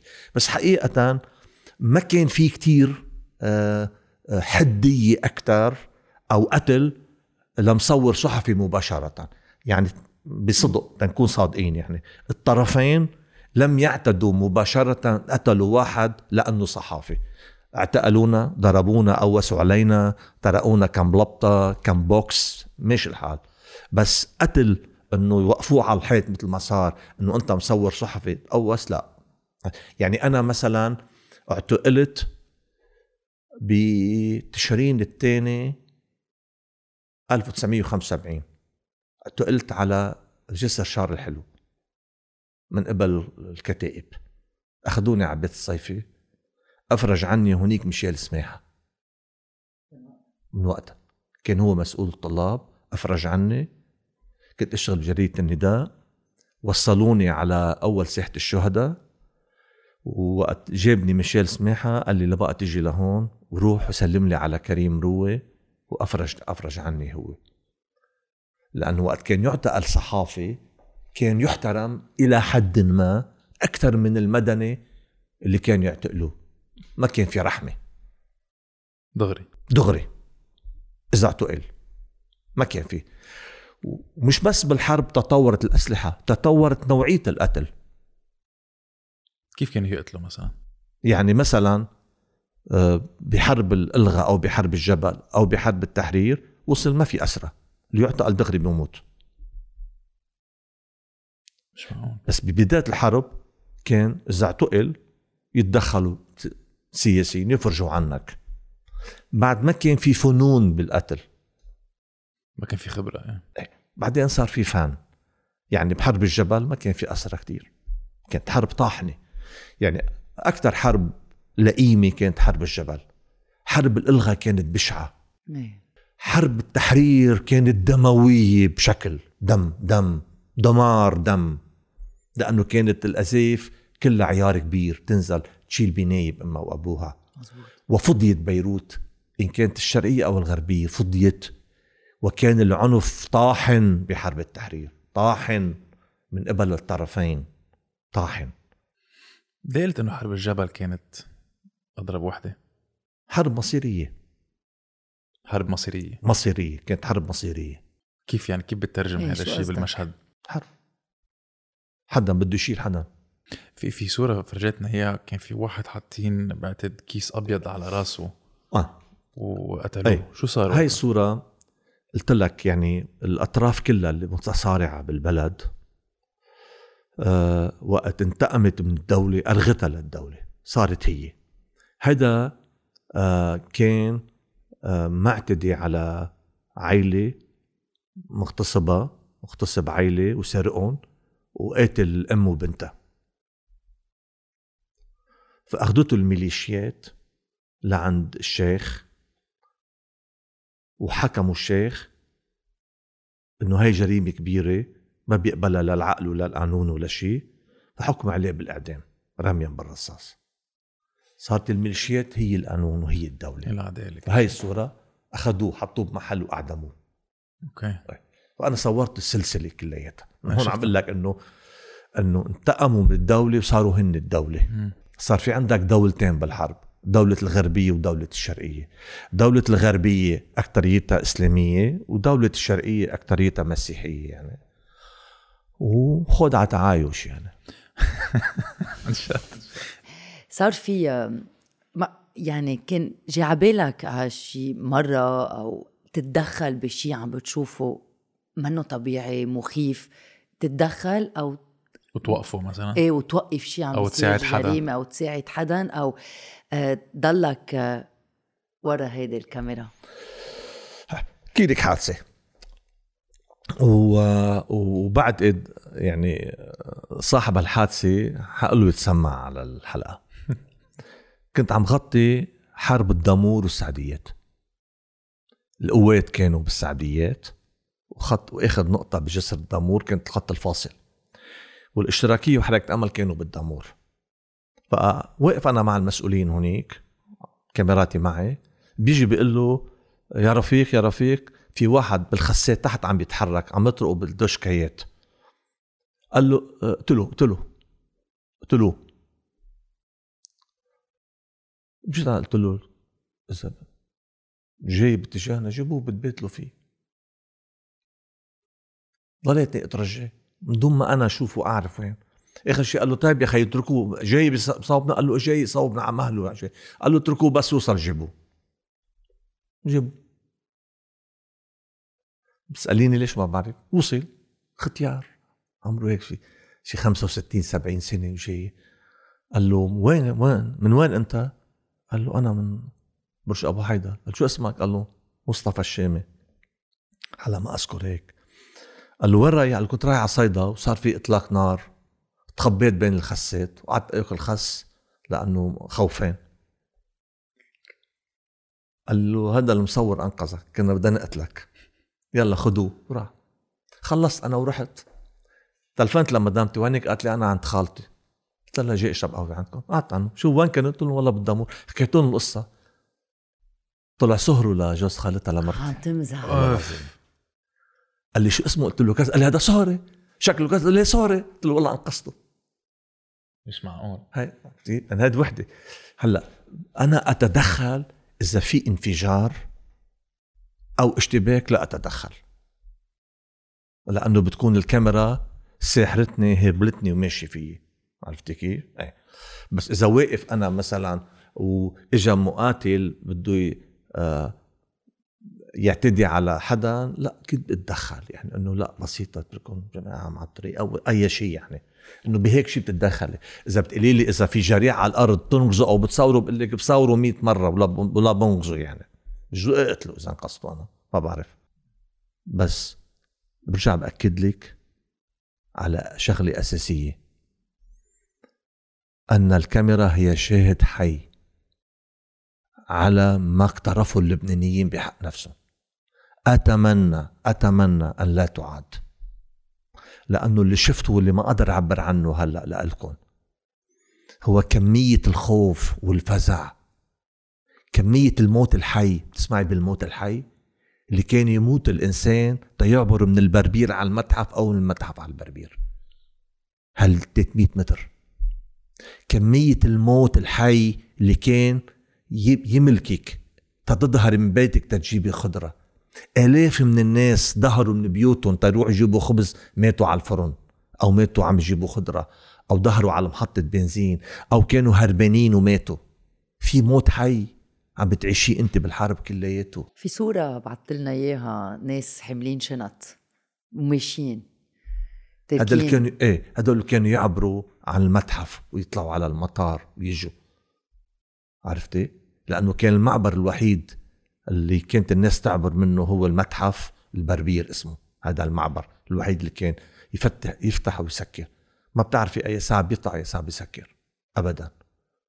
عرفتي؟ تصوري إنه أنا مثلا لاعطيكي example تاني. سنة ال 84 كنا بجنيف ولوزان بمؤتمر الحوار. جينا من الطيارة مطار بيروت مسكر. نزلنا بقبرص الطياره نزلتنا. كنا مع. إيه كنا مع الرئيس أمين جميل. وكان معنا صقب سلام وعادل حسيران وكنا مجموعة. وكان معنا رئيس كميل شمعون وبيير جميل ورشيد كرامي وسليمان فرنجي ونبيه بري ووليد جنبلاط هلا وليد جنبلاط بقي هنيك الباقيين كلهم جينا بطيارة وحدة. تصور المختلفين جينا بطيارة وحدة. وصلنا على قبرص انقسمنا. الجيش بعت طيارتين هليكوبتر. الغربية بتاخذ على الغربيه واللي على الشرقية بتاخذ على الشرقيه بما إنه أنا مصور كنت الوحيد وكنا بهداك الوقت ما في digital. وهلأ بدي أحكي عن أهمية ال digital. إيه. ما كان في digital. كنت آخذ معي سبع شنط. تنزلت من الطيارة الشنط ورحت باتجاه الهليكوبتر. الهليكوبتر اللي جاي على على بيروت الغربية انتلت ما بقى تساع ما بقى تحملني أنا وشنطي شو عملت؟ قال روح مع على الشرقية. وجبت بالشرقيه أنا. قال روح على الشرقية. أي شرقية؟ روح على الشرقية. قال ما عندي خيار تاني. جو بقى لوحدي بقبره طلعت بالطيارة اللي فيها الرئيس أمين جميل. ونزلنا بجونية دقيت للوكالة. ما في حدا. خد تاكسي. جينا تاكسي. طريق المتحف مسكر. ومعي شنط شو بدي أعمل؟ ولا في سيارة ولا في شيء جيت من حد ساعة العبد اللي هلا على طريق النهر مشي لوصلت على المتحف أنا وقفوني القوات. قلنا انه وكيل صحافة فرنسية وكنا بجنيف مع الرئيس وكذا كذا. قال هلا صار بدك تقطع مسؤوليتك؟ اقطع ورصاص وطالع. فتصوري جاري أنا سبع شنط. وما كان في لا أضوية ولا في سلول ولا في شيء سبع شنط. سحبت الفلاش تبع الكاميرا. هذا إذا بتضويه بيشبه ضوء الازيفيه وقت اللي بتنزل. فأنا أمشي وضوي واصرخ صحافي صحافي بوف على الأرض صحافي صحافي دوج على الأرض صحافي صحافي هال 100 متر هيدا. وخوفي هون أنا رعب إنه يا أكلها بظهري يا أكلها بوجهي يعني. لو وصلت لهونيك بلشوا يقوصوا علينا. آه، آه. لا بعد شي خمس دقايق اجى واحد مسلح رفع إيديك ماذا آه، تنبيش آه، قطعونا. أنا حكيت لك إياها بدقيقة بس هي أخذت معي خمسين سنة. قطعت هال 100 متر. أكيد. متت شي 20 موتة. 100 مل... 100 مرة. عزرائيل نزل وطلع. فهمت؟ مش بس علي. كل العالم كان عزرائيل ينزل ويطلع عليهم. ما بتعرفي. قلت لك مرة على المتحف على المتحف. الناس مرقين فجأة طلع رشا رصاص ثلاث قتلة بالأرض أربعة قتلة بالأرض ركضنا نصور ورصاص فوق راسنا بقيوا بالأرض. مين؟ ما حدا كان يهتم بحدا ما حدا كان يشيل حدا. الجثة تبقى بالأرض تيجي الصليب الأحمر يشيلها لأنه لأنه إذا قربت تشيلها يترك القناص. يبقوا على خط التماس معهم شلف حديد كبير في شنقل إذا واحد بالاشتباك انقتل يسحبوه بالشنقل لأنه ما فيهم يروحوا يجيبوه بموتوا فوق منه. قد إيه كان طوله الشنقل؟ تقريبا بدك تقول شيء ست أمتار. آه واو إيه. فاك كانوا يجروه يعني. يجروه يسحبوه. كنت عم تقول هلا إنه كنت راجع من جنيف. مزبوط وإنت كنت آه، بطائف بال 89 بالطائف إيه. رحت. مم. كيف كان الجو؟ بالطائف. كنا محبوسين. إيه. محبوسين كيف يعني؟ يعني رحنا نحن صورنا الاحتفال بالأول. إيه؟ وبعدين قعدنا ننطر. هن قعدوا شهر مباحثات. نحن كنا قاعدين بالأوتيل تاني شهر محبوسين. بس كانت ولعانة ببيروت. كانت ولعانة إيه، ببيروت. إيه، واشتباكات وكانت كل الناس عاقلة ببيروت. يعني حتى وقت. كنا حتى وقت كنا بجنيف وبلوزان كان وقت اللي يصير في مباحثات كانوا الطرفين يستعملوا سلاح ضغط على الآخر. وكان كل ما يصير في مؤتمرات تعنى بلبنان والطرفين قاعدين كانت تكون اعنف أعنف الاشتباكات. أوف حتى إذا الطرفين قاعدين. إيه أعنف الاشتباكات. بأكد لك إذا بترجع للصحف بتشوف إنه بمؤتمر الحوار بجنيف ولوزان خلال المؤتمر كمية القتلى نزلت وكمية الاشتباكات آه، غير معقولة. بس كيف بتحلها هاي؟ يعني إذا قاعدين على طاولة حوار عم بيتفاوضوا وعم بيحكوا مع بعض وبذات الوقت ال- ال- القتل اللي كانت عم بتصير ببيروت صارت أكثر يعني العالم عم تقتل أكثر والزعماء عم بيتفاوضوا. كيف بتحلها هاي؟ المفارقة اللي أنا لقطتها بالحرب إنه وقت اللي بيكون في مفاوضات بين الأطراف صراع بلبنان تشتد حدة المعارك بموت قتلى أكثر بس ليه؟ يعني ما ما فهمت. لأنه مفاوضات بتصير بالنار. وقت اللي بطل في مفاوضات كل واحد بيهدى بخف ال... الاشتباكات بتخف بتخف القتلى بس اللي عم جرب افهمه نبيل انه بس تشوف الزعيم تبعك عم بيتفاوض مع الزعيم الثاني يعني في بركة سلام أو في رح يكون في فترة هيك آه، فترة هدوء رح تصير بعدين. فليش انت بدك تشد العصب الطائفي؟ ليش انت بدك تحارب أكثر وبتعرف إنه بركي في سلام قدامك. مع هيدي ما عم مش ضروري ترد على السؤال بس ما عم بقدر استوعبها. مش معقول. في مجموعة أسئلة بالحرب ما عندها أجوبة. صح. يعني أنت رحت بطريق البربير وشفت مين مات. تاني يوم ما بتروح. صح؟ كل يوم كان عم ينزل قتلى وكان عم يزداد عدد عدد المسلحين. كان عم بينقتل كتير ناس وبتروح على الجبهة بتبرم بتلاقي فوج جديد جاي. طيب ليه؟ بقول لك في أسئلة بالحرب ما بتعرفها. يعني وقت اللي بتنشر جريدة صور أشلاء جثث وبتروح أنت على الجبهة بتلاقي المقاتل عم بيقرأ جريدة وعم بيشوف الصور وبعد شوي بيعمل اشتباك. فسر هدي كيف؟ صح. فسر طيب أنا مصور صورة مدرسة أطفال بمدرسة نزلت عليهم أسيفي محروقين. هلا بعرف إنه في ناس ما بعتوا أولادهم بس بعد كم يوم ناس بعتوا أولادهم بتقلي على هذا المدرسة بعد ما قصفوها إيه لأنه بتقلي الحياة بدها تستمر بقول لك إيه كل هالكليشيات بقول لك إيه بتقلي طائر الفينيك والشعب اللبناني يابا زته بيجي واقف بقول لك إيه شو ما بدك يا أخي شو ما بدك فيك تحكي طالما أنت قاعد على الطاولة آه. okay بس على الأرض الأمور مختلفة تماما. كثير مختلفة عرفت كيف؟ في مشاهد شفتهم يعني كنت عم تخبرنا عن العنف اللي شفته بين آه، حرب الجبل وحرب التحرير. في شيء بقي معك؟ فيك تخبرنا عنه؟ كيف كان المشهد؟ خيي تخبرك عن مشاهد. برجع بقول لك صار العنف برات ال control. كل ما تطورت كل ما طولت الحرب صار العنف خارج ال control. صار لذة العنف. مشان هيك صار عم بموت كتير ناس. يعني وقت اللي آه، بت- بتقوس على طلاب أطفال بمدرسة أو على أوتوكار أو على سيارة مدنية ناس هاربة. هذا كان كله يصير. أو بسوق ناس عم تشتري خضرة تحط لهم عب تحط لهم سيارة مفخخة ويموتوا الناس. تيجي تطلع تلاقي الخضرة كلها دم. فك طيب هذا شو؟ عنف صار. عنف صار مزمن عندهم. يعني ولا طبيب نفساني بقى بحلهم. ما في ما في أدوية يعني. معامل تبع الأدوية النفسانية ما بقى تحلها كانت عرفت كيف؟ يعني كان كان آه، عنف بتقلي مبرمج بتقلي شيء بقول لك ما بعرف هذا كان العنف موجود. وتطور. بكل الحروب على كل الساحة اللبنانية تطور يعني. مشان هيك ندائي أنا ندائي أنا للشباب اللي طالع جديد. رجاء ما تعملوا حرب. الحب أحلى من الحرب. بس الحوار اقعدوا مع بعضكم كسروا روس بعضكم تحاوروا أي شيء أي شيء. لبنان أغلى من العالم كلها الدولة مهمة بحياتنا. حرام ننتقم مرة تانية من الدولة. الدولة مهمة. عرفت كيف؟ بعدين يشوفوا يشوفوا.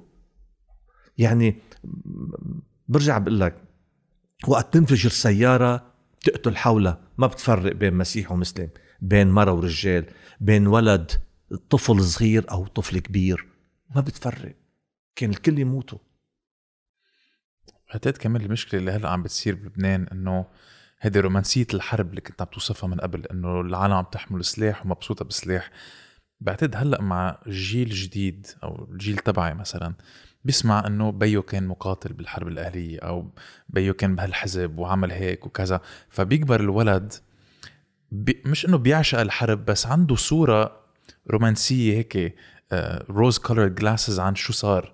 وهذا الشيء بعتقد كتير بخوف لأنه الزلمة بيعشق الحرب بيفكر إنه حزبه هو أقوى حزب بس ما بيعرف شو يعني تلم رفيقك بعد ما آه، مثلا تقوص أو بعد ما آه، دعس على عبوة.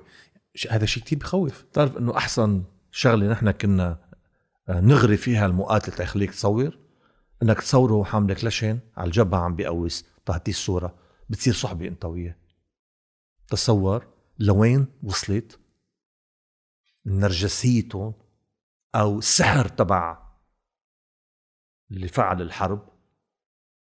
هذا المشروع اللي تعمل حرب فيه بالبلد. لوين وصل؟ فتلن على نفسيتهم على دماغهم لجوا. صارت الصورة مغرية. بصير صحبة أنت وياه بصير الصورة عنده كبيرة. ياما ياما يقول لك كبر لي حط لي بالرد علقها بالبيت أنا عامل كل شيء عم بقوس. في واحد قرايبي إلي لهلأ بعده محتفظ بالصورة نزلت غلاف مجلة. هو عم بيقوس. بعده لهلأ محتفظ فيها ببيته. بيقول لهم لأولاده ليكوا أنا كنت مقاتل أنا كنت كذا. طب قل لي هيدي شو؟ شو بيفكروا الأولاد؟ ما بعرف. شو بيصير بالجيل الجديد ما بعرف. يعني. إنه ليه؟ ليه التباهي بهالقد؟ آه. عرفت كيف؟ ورغم إنه النتيجة شو كانت؟ شو كانت النتيجة؟ هربت مع سعد الفران. خسروا اثنين. صح. احترقوا اثنين. دمر البلد راحت الدولة. عم ندفع ثمن هلأ. هلأ نحن عم ندفع ثمن الحرب اللي عملناه. لا معنا مصاري ولا عنا كهرباء ولا عنا مي ولا شيء وضحت فهيدي الحرب. بتقلي والله مثلا إنه طيب هالتطور اللي صار بالحرب انتج قتلى كتير؟ انتج قتلى كتير. وأكترية القتلى اللي ماتوا ماتوا وقت اللي تطورت الأسلحة وقت وفنون الحرب تطورت أكثر لإلك طيب. لإلك آم، أي أي فترة كانت كان عندها أكثر شيء عنف؟ أي فترة بهيدا بهيدا ال... ثلاث حروب كان فيها عنف كتير. الالغاء تحرير الجبل. ف 84 و 89 89 هلأ بتشيلي عم نحكي نحن عن خريانتنا نحن. عرفت كيف؟ أكيد صار في قتلى كتير بالحرب الإسرائيلية. وأكيد وقت اللي فاتوا السوريين بال 77 كمان قتلوا. الكل قتل. الكل اشترك بالقتل. ما حدا بريء. ما حدا ظاهر طاهر ولابس أبيض وجاي وعامل حاله ملاك. الكل قتل. والكل خرب البلد. الكل ساهم بخراب البلد. ما حدا وقلت لك أول شيء قبل ما تفوت إسرائيل وقبل ما يفوت السوريين وقبل ما تفوت قوات الردع وقبل ما يفوت أول شيء نحن اللبنانيه إسلام ومسيحية. ما بعرف إذا مع تحفظي على الكلمتين يعني. نحن انت امنا من الدولة بال 75 77 انت امنا منها للدوله. دمرناها بايدينا ورحنا على الحرب بملء ارادتنا ومبسوطين بالشعارات وعم نقوس نحن ورايحين على الجبهه كانوا يطلعوا من البربيط يصلوا على رأس نبي يضل يقوس بالعالي أنا رايح على الجبهة. كانوا يبرقوا بالسياراتهم قدام أهاليهم ليفرجون هن عندهم على الجبهة. طرفين. هيدي كانت الحرب. لعبة قلت لك أول ما بلشت بدا افتكروها لعبة. سنة 90 دفعنا الثمن هول هول الصور اللي بعت لنا إياهم. بحسس إنه مش كتير عالم شايفينهم. يعني أنت ك- كم صورة بعت لنا وقتها؟ بعت لنا إيه. gigabytes على كم صورة bytes. أصلا آخي؟ بتعرف شيء؟ ملايين ملايين. لكن برجع بقول إنه مش بس الميليشيات دمرت الدولة. كمان في ناس مسؤولين عنهم غيرهم. بقصد آه بس انتهت الحرب بالتسعين كنت أنا نائب للمصورين. اشتغلت مع المسؤولين اللبنانيين تحت مشروع تأسيس اللجنة الوطنية للصورة الفوتوغرافية صورة الحرب. وطلبت من رئيس الحكومة وقتها حولني على وزير الإعلام وزير الإعلام حولني على ال concierge وال concierge حولني على خضر تبع المناقيش عرفتوا؟ بأول الحمراء ف كانت الفكرة هي إنه الدولة تطلع مرسوم بتأسيس هاللجنة ويكون عندها صلاحيات تفوت على كل الصحف وعلى أرشيف الجيش وعلى كل الناس وتسحب كل الصور المتعلقة بالحرب وتعمل مجلدات وتوزع مجانا على طلاب البكالوريا بطلوها. يعني كل واحد فوق ال 15 سنة مدارسه توزع له ببلاش. نقول للناس ليكوا الحرب شو بشحن ليكوا ما تعملوا حرب بقى. على المدارس خاصة. خاصة على الجيل الجديد. تيعرفوا إيه لأنه اللي أنا طلعت فيه باستنتاج ببداية إذا مش آكل كفين أنت ولبطة و- ومربط إيديك وإجريك وما شايف قتلة البندقية بتغريك. الساحرة البارودة إذا ما شايف قتلة وما شايف وما آكل قتلة أنت مش منجرح وفات على المستشفى بتغريك البارودة الجيل الجديد بتغريه البارودة بينبسط.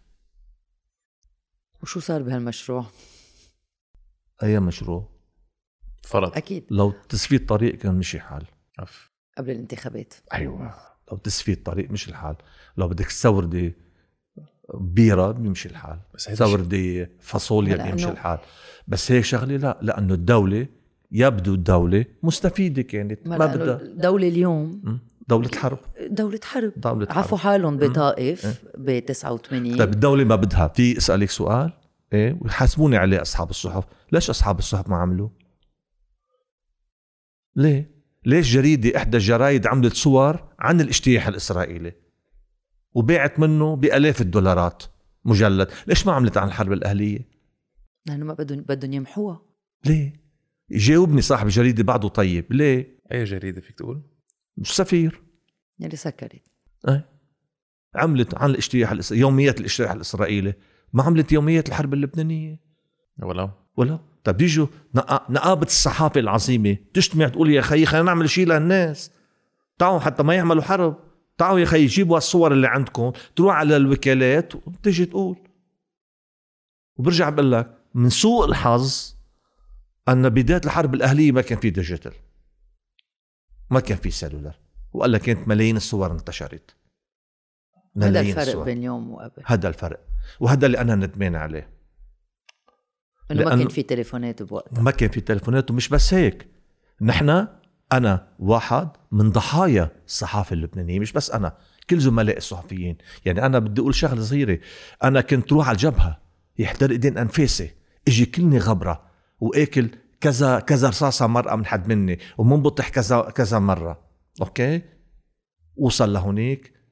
يكون في موظف موظف مقعده صاحب الجريدة. يقول لي لا بعده طيب هلأ طلال سلمان. بوجه له التحية بس بعده طيب. كان اسمه عبد الحميد هنو. يقول لك اديني الفيلم. تعطيه الفيلم انت ما تعود تعرف عنه شيء وين صاروا الصور؟ وين راحوا؟ ما تعرف عنه شيء يختفوا. يختفوا. انت شو كان بدك بهذاك الوقت؟ بتعرف شو كان عقلنا بهذاك الوقت؟ عقلي أنا شو كان؟ عقلي أنا كان إني ألتقط الصور أبقى طيب وآخر شهر اقبض معاشي أقدر أعيش. ما. كنت تفكر عن ما كان في شيء ابدا. ما كان شيء اسمه أرشيف ما كان في وعي لأرشيف.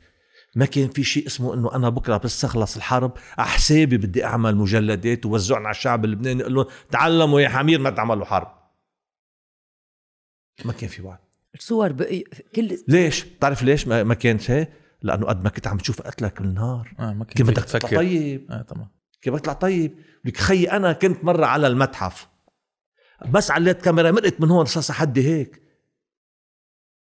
تفهم علي كيف؟ طيب أنا وقت حرب المخيمات إيه؟ كانوا يعرفوني. مثل العادة كنت أرفع هيك الكاميرات. لولح. كاميراتي هيك وأرجع أطلع بعدين. اطرق صورتين ثلاثة أرجع أنزل هيك. تصور بس انتهت حرب المخيمات وظهروا. أنا عم اجى واحد اجى قال لي أنت المصور. قال قال لي أنا ياما كنت قلت لك بس كنت أحترمك ترفع كاميراتك هيك تعطينا خبر.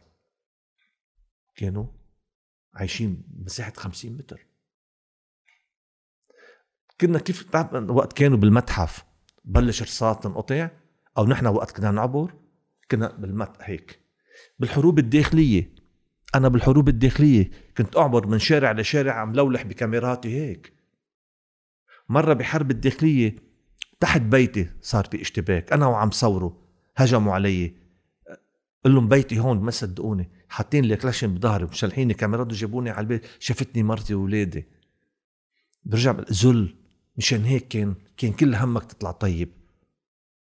ما ما كان عندك خيار تاني. ليش؟ زي ما قلت لك الرحمة انعدمت نهائيا وصار في وحوش كاسرة. عزرائيل عم بتجول كان. على خط التماس بال بال بالأعماق. الصور بعد عندك اياهم أو كن لما كنت تعطي الفيلم للجريدة يبقوا معهم؟ أول شيء جرايد لك شو كان مع المصورين الصحفيين المجزرة اللي كانت. إنه كانت الجريده تعتبر إنه هدول ملكها وهي تاخذهم تحطهم عندها وتبيع منهم. تطلع مصاري والمصور كان برا. بعدين جيت على وكالة صحافه فرنسيه كنا مجبرين كل فيلم نصوره تبعتيه على باريس كمان ليبيعه فمشان هيك أنا طلعت باستنتاج لا توجد صحافة حقيقية. يوجد تجار مثل ما في مهنة نجاره بتطلع مصاري والسنجري بيطلع مصاري كمان الجريده بتطلع مصاري مهنة مثل مثل السنجرية. كنت أنا وقت أتحاصر أول شغلة أقول يا رب بحسنت أولادي رجعني على البيت. ما كنت خاف أنا كنت موت رعبة. إنه قبضاي شو بدك؟ ما حدا قبضاي تجيك رصاصة أو قذيفه عنتر ابن شداد بهر بشخ بلبسه ما في. عرفت كيف؟ كلنا كنا نخاف. بس كنت مجبور لأنه هيدي مهنتك لأنه قلت لك قبل شوي صوري ما بفرق بيناتهم. بس بتقلي بأي خانة بتحطهم بقول لك بخانة القذارة. صور الحرب صور قذارة. لأنه فيهم قتل. مش عم نحكي نحن؟ والله أنا عم صور الفن والباليه والبولشو مع إنه صورت فيروز. إيه وصورت صورت أنا بعد التسعين انتقلت. رحت على الفن إنسى الحرب. رحت. هذا سؤالك. إيه بانسى الحرب. كيف اشتغلت مع كاراكلا 20 سنة. ومثلت كمان بثلاث أفلام بعد. مثلت مع مارون بغدادي. إيه الله يرحمه. عرفت كيف؟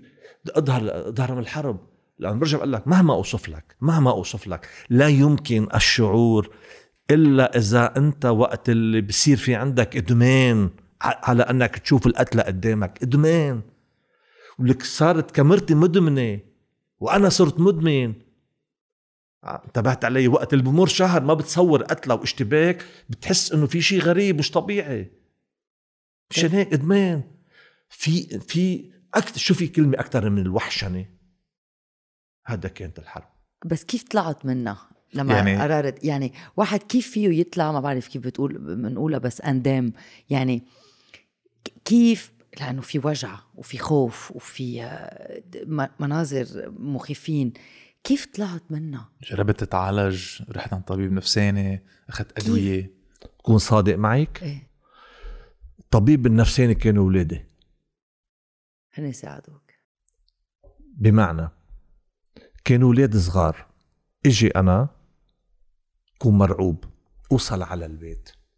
حس أنا هون أنني عاجز تماما عن أعطاء أولادي حقهم بالوقت وبالرعاية. ليش؟ لأنه أنا كنت فيق بكير. أي ساعة؟ يعني قلت لك أنا عادة في سبعة أحيانا ستة.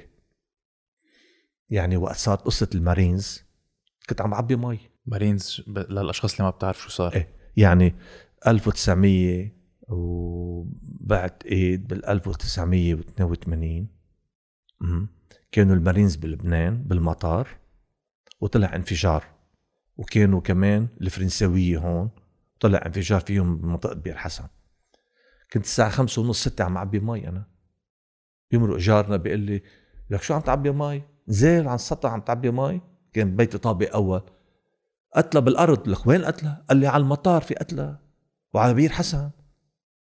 طلعت بسيارتي وركبت فمشان هيك كانت الوقت اللي أعطيه لمهنتي كانت عم بيخدمني ولادي وقت أرجع على البيت كب شنطتي برا نط على أولادي. العب أنا وياهم مصارعة آه، نلعب مزاح. تأظهر من الحرب. كانوا أولادي هن هن ال- الليكسوتانيل تبعي؟ مشان هيك برجع بقول لك أنا بكل لحظات أعتذر من أولادي على عدم رعايتي لهم. بس الله وفقني بمرة عوضت. مد- مدامتي هي هي المسؤولة. يعني هي اللي علمتهم هي اللي ربتهم هي زبطت كل شيء. أنا كنت هالرجل اللي بروح على الصيد بجيب الغزال وبيجي يعني عرفت كيف؟ فكنت جيب صور قذرة كنت جيب آه، شغلات. ومع الوقت تعلمت مرتي ما تسألني شو شفت. أبدا. لأنه لفترة سنة زهقت هي. قتلة وما قتلة وقتلة وقتلة. يتصور أنا وقت فت صورت تاني مرة فوت على مخيم صبرا وشقتي لها عم صور جيت عند خالتها لمرتي. وأنا كنت عائلتي بالجبل يعني كنت عايش لوحدي. حطت لي لآكل ما قدرت آكل رز. أكيد. ليه؟ ليه؟ لأن بيشبهوا الديدان اللي كانوا عم بيطلعوا من الأجساد. أوف. منطقة قلت لها بابا بدي قلت لها بيشبهوا الدود اللي أنا صورته هلا عم بياكلوا جثث وقفت شو شو ده؟ عرفت كيف؟ مشان هيك سنة التسعين سوري تفضل سنة التسعين وقفت الحرب قررت انه أنا بما انه هاي المجنونة كمشتني على خوانيقي هلا العالم عم تتسمع علينا عم بتدل على إيه، إيه، الكاميرا على الكاميرا، فقال يا إيه. صبي آه، بدك لازم تظهر من الحرب أوكي؟ رغم هيك بعد التسعين صورت آه، حرب الخليج الأولى. ووقت صدام حسين طرد الأكراد وضربهم وهربوا على تركيا رحت صورت. أوكي؟ يعني ما إنه ظهرت من الحرب نهائيا كوني كنت بال AFP مضطر أروح سافر. بس بال- بالداخل جربت إني أظهر. رحت على الفن اشتغلت مع الفنانين. وصرت روح وين في حفلة فنية صور وين في سهرة انتخابات ملكه جمال روح صور وجرب قد ما فيي وجرب قد ما فيي أنا آه، يعني آه، كل يوم اتفرج على الصور آه، ويلا وهيك. حتى يعني شو. حتى بلش أظهر ولم أتجرأ ابدا إني أقرب للصور الصور القذرة تبعية الحرب. تركتها على جنب يعني عرفت كيف؟ و- و- وبرجع بقول لك لا أعتز ولا بصورة. ولا أعتز. ابدا نهائيا. و- وذكريات أليمة بت- بشعة أكيد. بترجع بتعيدها لو, لو إذا فيك. يعني إذا هلأ رجعت على 75 لما بلشت تصور إذا كان عندك خيار تضلك عم بتصور أو تنقي مهنة تانية. آه. لا شو؟ مهنة التصوير. بتضلك فيها. لا لا أكيد أكيد. لا برجع بقول لك لا يوجد شاهد لا يوجد شاهد على ما يحدث إلا المصور.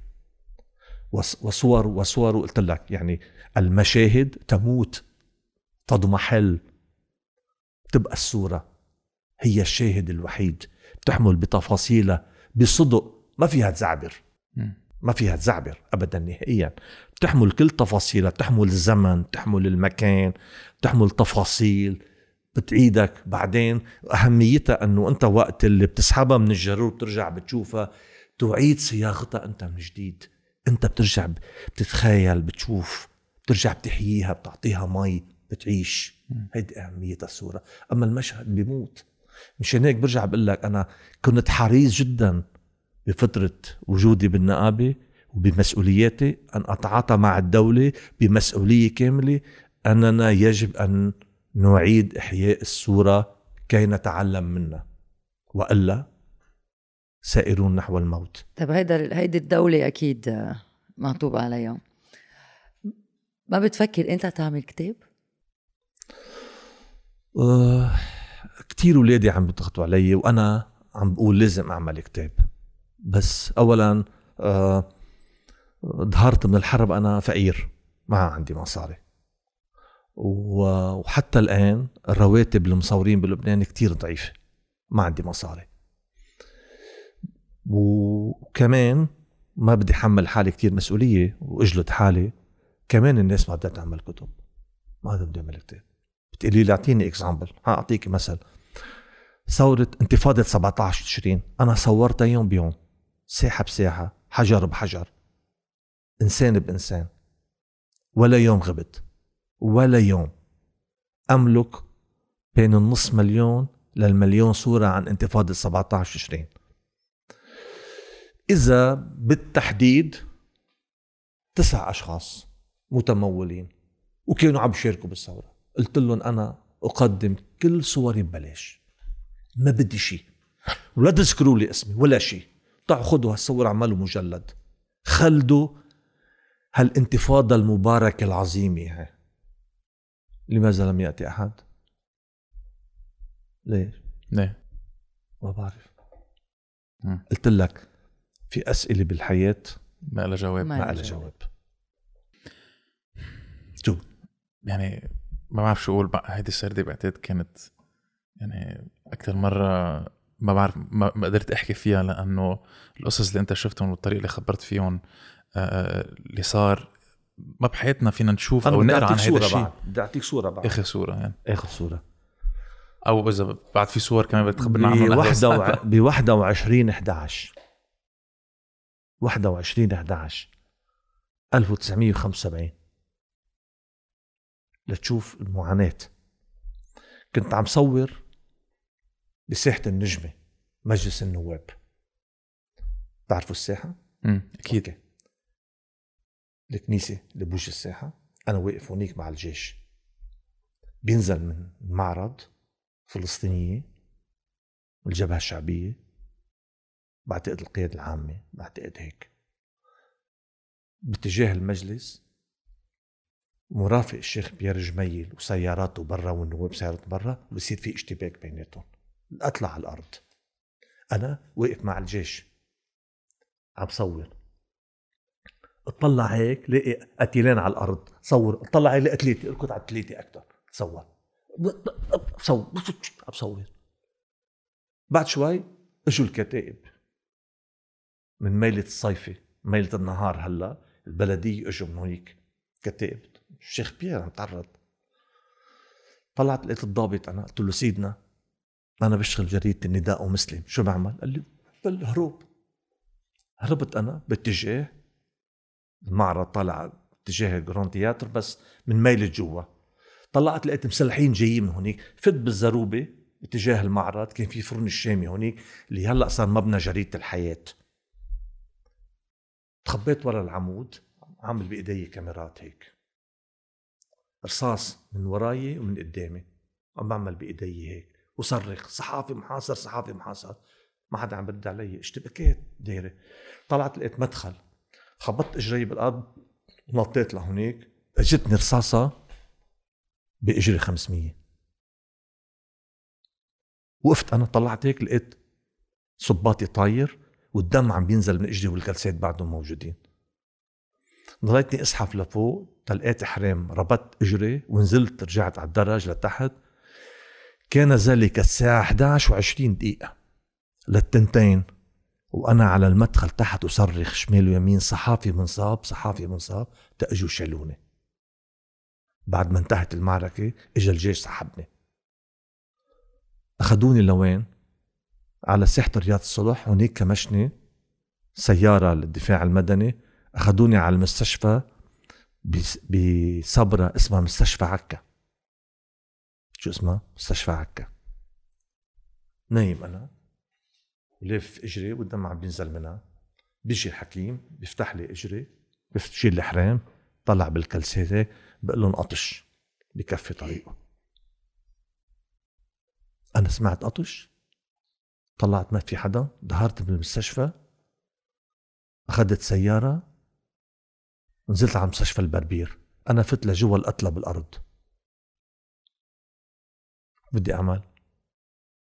بقيت أمشي من هونيك لوصلت على الجريده وأنا مصاب بإجري من البربير على المزرعة. شافوني بالجريدة هيك طلعوني بسيارة أخذوني على مستشفى اسمها مستشفى الترك كانت بمار الياس مستشفى صغيرة. عملوا لي عملية وقتها. هذا جزء من معاناة اللي بيعانيه المصور. بهذه الحرب. آخر شيء أنا بختم بأمل وتحقيق بأمل وبطلب وبرجاء من الناس خاصة الشباب. يتعلموا على الجيتار أحسن من الكلاشين. يتعلموا على الحب أحسن من الكراهية. و... والحوار أحسن من الحقد. خلينا نرقص ونغني ونروح على البحر وننزل ونتمشى أحسن من نوقف ورا الانتريس. تعلموا ما تعملوا حرب. نصيحة. نبيل يعني كنت عم أقولها من قبل هيدي بعتقد من أحلى السردات اللي عملناها لأنه الصراحة اللي كنت عم تحكي فيها وال يعني كيف كنت عم توصف اللي أنت عشته ما بحياته بعتقد حدا قدر يخبرنا إياه اتليست من جيل أهلي وجر. بدي أشكرك على السردين بدي أشكرك لهالصراحة واللي عم بيتسمع علينا إن شاء الله يتعلم هذا الدرس. أنا كمان بشكرك. وما يروح على مستشفى عكا. وأنا لا ابدا ابدا. أنا بشكركم كثير يعني. الله يخليك. وبتمنى برجع بقول بقول شغلة أتمنى بوس إيديكم ما تعملوا حرب.